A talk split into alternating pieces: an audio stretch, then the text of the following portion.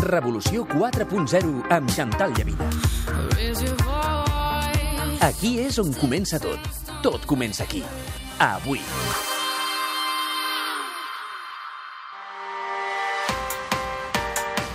Masterclass Becerra. Amb Santiago Niño Becerra.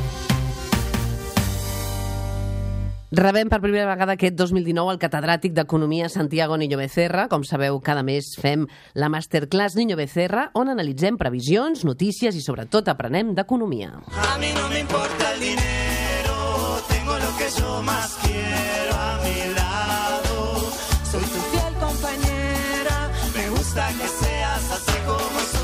Bona nit, Santiago Niño Becerra, què tal? Què tal? Bona nit. A veure, la cançó No me importa el dinero canten la Julieta Venegas i el grup argentí Los Auténticos Decadentes en aquesta cançó. És una cançó que té a veure amb allò que els diners no donen la felicitat, què en pensa? Un economista d'aquesta mítica frase? La bueno, donen o no? Bueno, a veure, el, el, és, que, és que és molt, molt curiós perquè aquest refran, aquest, aquest dit, té dues parts i només es diu la primera. És a dir, el, dinero no da la felicitat, sí, però continua això, eh? però ajuda. Ajuda. Sí, sí, és a dir, però normalment només es diu la primera, la primera part. La segona sempre s'obvia, no sé per què. Molt bé. Escolta, comencem aquest 2019. Uh, perceps vibracions econòmiques bones o dolentes? Què em diries? Dolentes. Dolentes? Sí, de fet, eh, ja en, a, a, a l'any passat, ja a la tardor, mm, final, després del, del, de l'estiu, van començar la tercera fase de la crisi, que ja serà l'última, evidentment, però, però és, ja hem començat la tercera fase de la crisi ja mm, amb certs mm, eh, amb pujades i baixades, però ja fins al 2026. 2026. És a punt de sortir del forn el teu nou llibre, felicitats, el Crash tercera fase, en parlarem quan sigui a les llibreries, serà crec que al, al març, oi que març, sí? sí. Però uh, per anar fent boca i per, no sé si espantar-nos una mica o ens tranquil·litzes, que vindrà, que vindrà un canvi radica, que vindrà un canvi radica del capitalisme, és a dir, tu també eh, dius que vindran 50 anys eh, econòmics bons, però tristos. Bueno, a veure, jo, jo bons no. És a dir, mm, a veure, jo... Estables, perdó. Eh, estables. estables sí. Eh, és a dir, ara, ara mm, ja vindrà, la, mm, amb aquesta tercera fase de la crisi, vindrà la implementació del nou model, eh, i després de la implementació, evidentment, la imposició, perquè aquí serà això imposat. Eh, aquí es tocarà de tot, eh? no quedarà res sense tocar. Es tocaran pensions, es tocarà de tot, es tocarà. I a partir d'aquí, l'estabilitat, com, com tu has dit.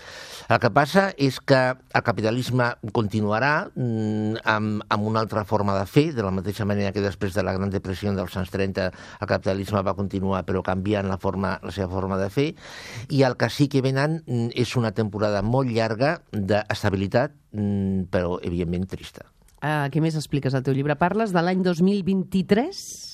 Bueno, eh, ara, ara de fet, eh, aquesta tercera fase mm, jo crec que tindrà una, una mica pensant en com han anat, com han anat les coses. He tret subfases, 2019 i 20, diguem-ne, de disseny d'aquest eh, nou model, d'acabar de dissenyar el nou model, 2021, eh, 22 de bueno, posar en marxa i 20, 23, eh, 24, 25 ja d'imposició. És a dir, que les coses són així si són així. Uh -huh.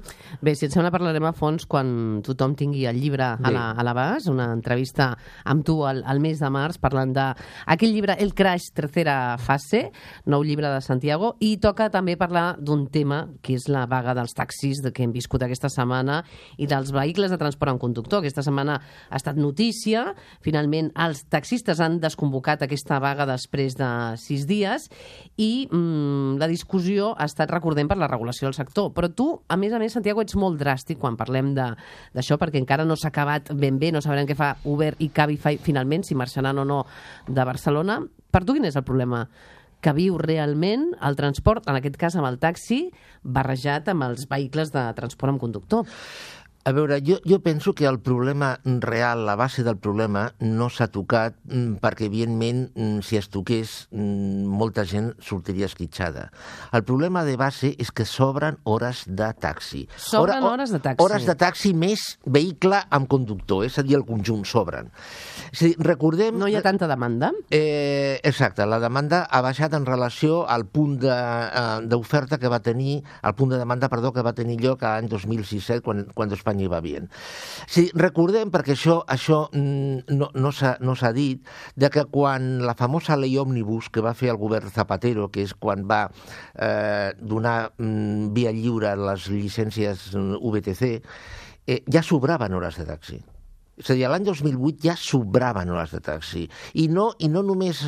Eh, I sobraven hores de taxi perquè els, els ajuntaments havien donat llicències eh, sense tenir en compte la previsió de demanda, eh, aquesta, aquestes empreses mm, en tots els drets del món, perquè estem en un sistema capitalista de lliure empresa, surten al mercat, doncs encara sobren més hores de taxi. És a dir, aquest conflicte que estem tenint, que si els taxis, els VTCs, les vagues, les manifestacions, etc etc, sota el punt de vista és només és la, la lluita de la misèria. És a dir, estan lluitant per mm, poder ingressar uns diners. És a dir, és a dir, és que, eh, a, a veure, mm, la gent es pensa, no sé què es pensa, però hi ha conductors d'Uber o de, o de Cabify que estan, tenen de sou fixa entre 700 i 900 euros. Sou fixa, eh? Sí. 700 entre 700 euros? i, no, i, i, i la resta són plusos per arribar a, a xifres de negoci. És a dir, són, no ho són, però són uns assalariats. Eh, Perquè tu, a més, a través de Twitter, a part, eh, has tocat un altre tema que no estat tan, tan, tan vist aquests dies, has parlat del cotxe autònom. Diu, quan estigui al carrer, mm, d'aquí quatre dies, que jo crec que encara trigarà una mica, dius adeu als taxistes i adeu als, als xofers d'aquests vehicles. Per tant, clar, la tecnologia està fent que hi hagi més competència, però no només en aquest sector dels taxis, sinó que mm, n'hi ha cada vegada més. Els taxistes han guanyat. Mm, jo no sé si ara em diries, trucarem els dos temes, eh? que perjudica els ciutadans que marxin d'aquí empreses com Uber o Cabify si acaben marxant. A, a veure, Contesta'm primer aquesta i després el cotxe autònom. Sí, si a, a- veure, des d'un punt de vista d'oferta-demanda, des d'un punt de vista d'oferta-demanda, que marxin Uber o Cabify no tindrà cap impacte, perquè torno a dir, sobren hores de taxi. Sobren hores de, de cotxe, de, de cotxe en conductor.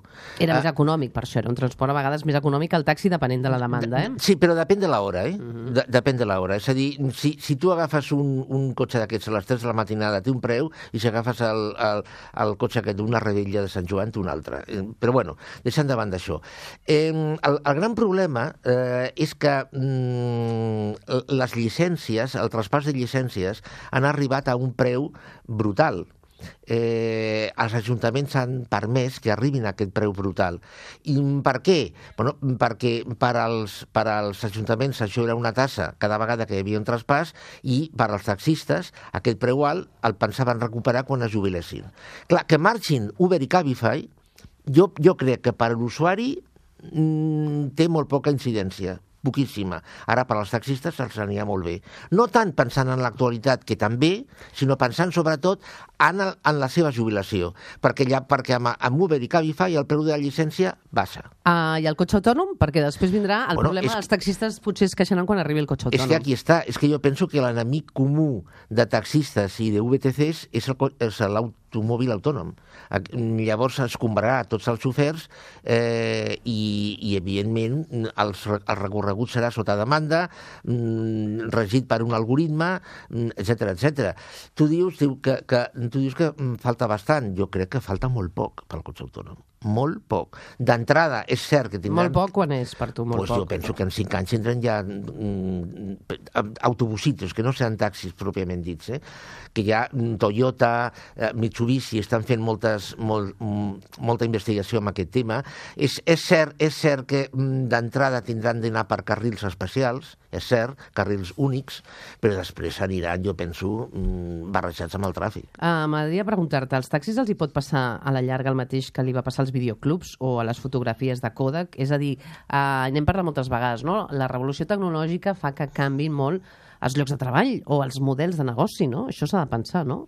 Bueno, a veure, la, de, la, la tecnologia, l'aplicació de la tecnologia, diguem-ne, a la mobilitat i a la comunicació ja està tenint un impacte que es veu. Eh, és a dir, cada, cada vegada la, la demanda de viatges per feina està baixant Eh, per què? Perquè a través de la tecnologia, videoconferències, etc etc, es poden arribar a puestos molt, molt semblants. Mm, això per una banda. I en segon lloc, eh, els, els eh, motors eh, con- contaminen, vulguis que no, i mm, per altra banda, eh, quants més cotxes hi ha al carrer, més difícil és transitar. Mm, Jo, jo penso que, mm, si, igual que, que Kodak, eh, no ho sé, però que evidentment el cotxe autònom tindrà un impacte sobre la, el transport de persones. En el taxi, la conocí caminando por un backstreet. Estaba sexy, pero tan sexy que por poquito arrollamos un. Hem parlat del taxi, ara parlem dels pressupostos del 2019. Ara falta veure si tiren endavant, però qüestions polítiques a banda. Quina lectura estrictament econòmica en fas? A tu et semblen uns bons pressupostos o hi canviaries algunes coses? Jo penso que aquests pressupostos són pressupostos de ciència-ficció. De ciència-ficció. Totalment. És a dir, és, és, és absurd, no, no té lògica. Eh, eh, no té lògica, eh, és a dir, inclús la mecànica que han tingut aquest pressupost, aquests pressupostos. És a dir, rebobinem. El, el PP eh, fa uns pressupostos partint d'un dèficit de l'1,3%. Llavors, eh, hi ha la moció de censura entre el nou govern de Pedro Sánchez eh, i demana a, eh, pensa demanar a Brussel·les poder arribar al 1,8% perquè vol incrementar la despesa social, etc etc. Llavors, el Partit Popular li diu no ho facis això perquè al Senat, que tenim majoria, t'ho tombarem, això. Has de continuar amb l'1,3%. Perfecte. El govern de Pedro Sánchez diu, vale, correcte, farem una cosa, és a dir, mm, per, això per elevació, Mm, continuo, continuo amb l'1,3%, incremento la despesa i perquè em quadrin els números m'invento un increment d'ingressos. I segons aquest pressupo aquests pressupostos, els ingressos pujaran 20.000 milions d'euros sobre la realització de l'any passat. Això és ciència-ficció. Perquè tu una de les coses que t'han cridat l'atenció és que Hisenda, a més, eh, farà un préstec, eh, expliquem, als oients per pagar les pensions a la Seguretat Social. Sí. I tu dius que no ho veus gens clar, això. Bueno, a veure, serà el tercer any que les pensions es, es, es pagaran en préstec. És el mateix que si tu per pagar el lloguer demanessis un crèdit.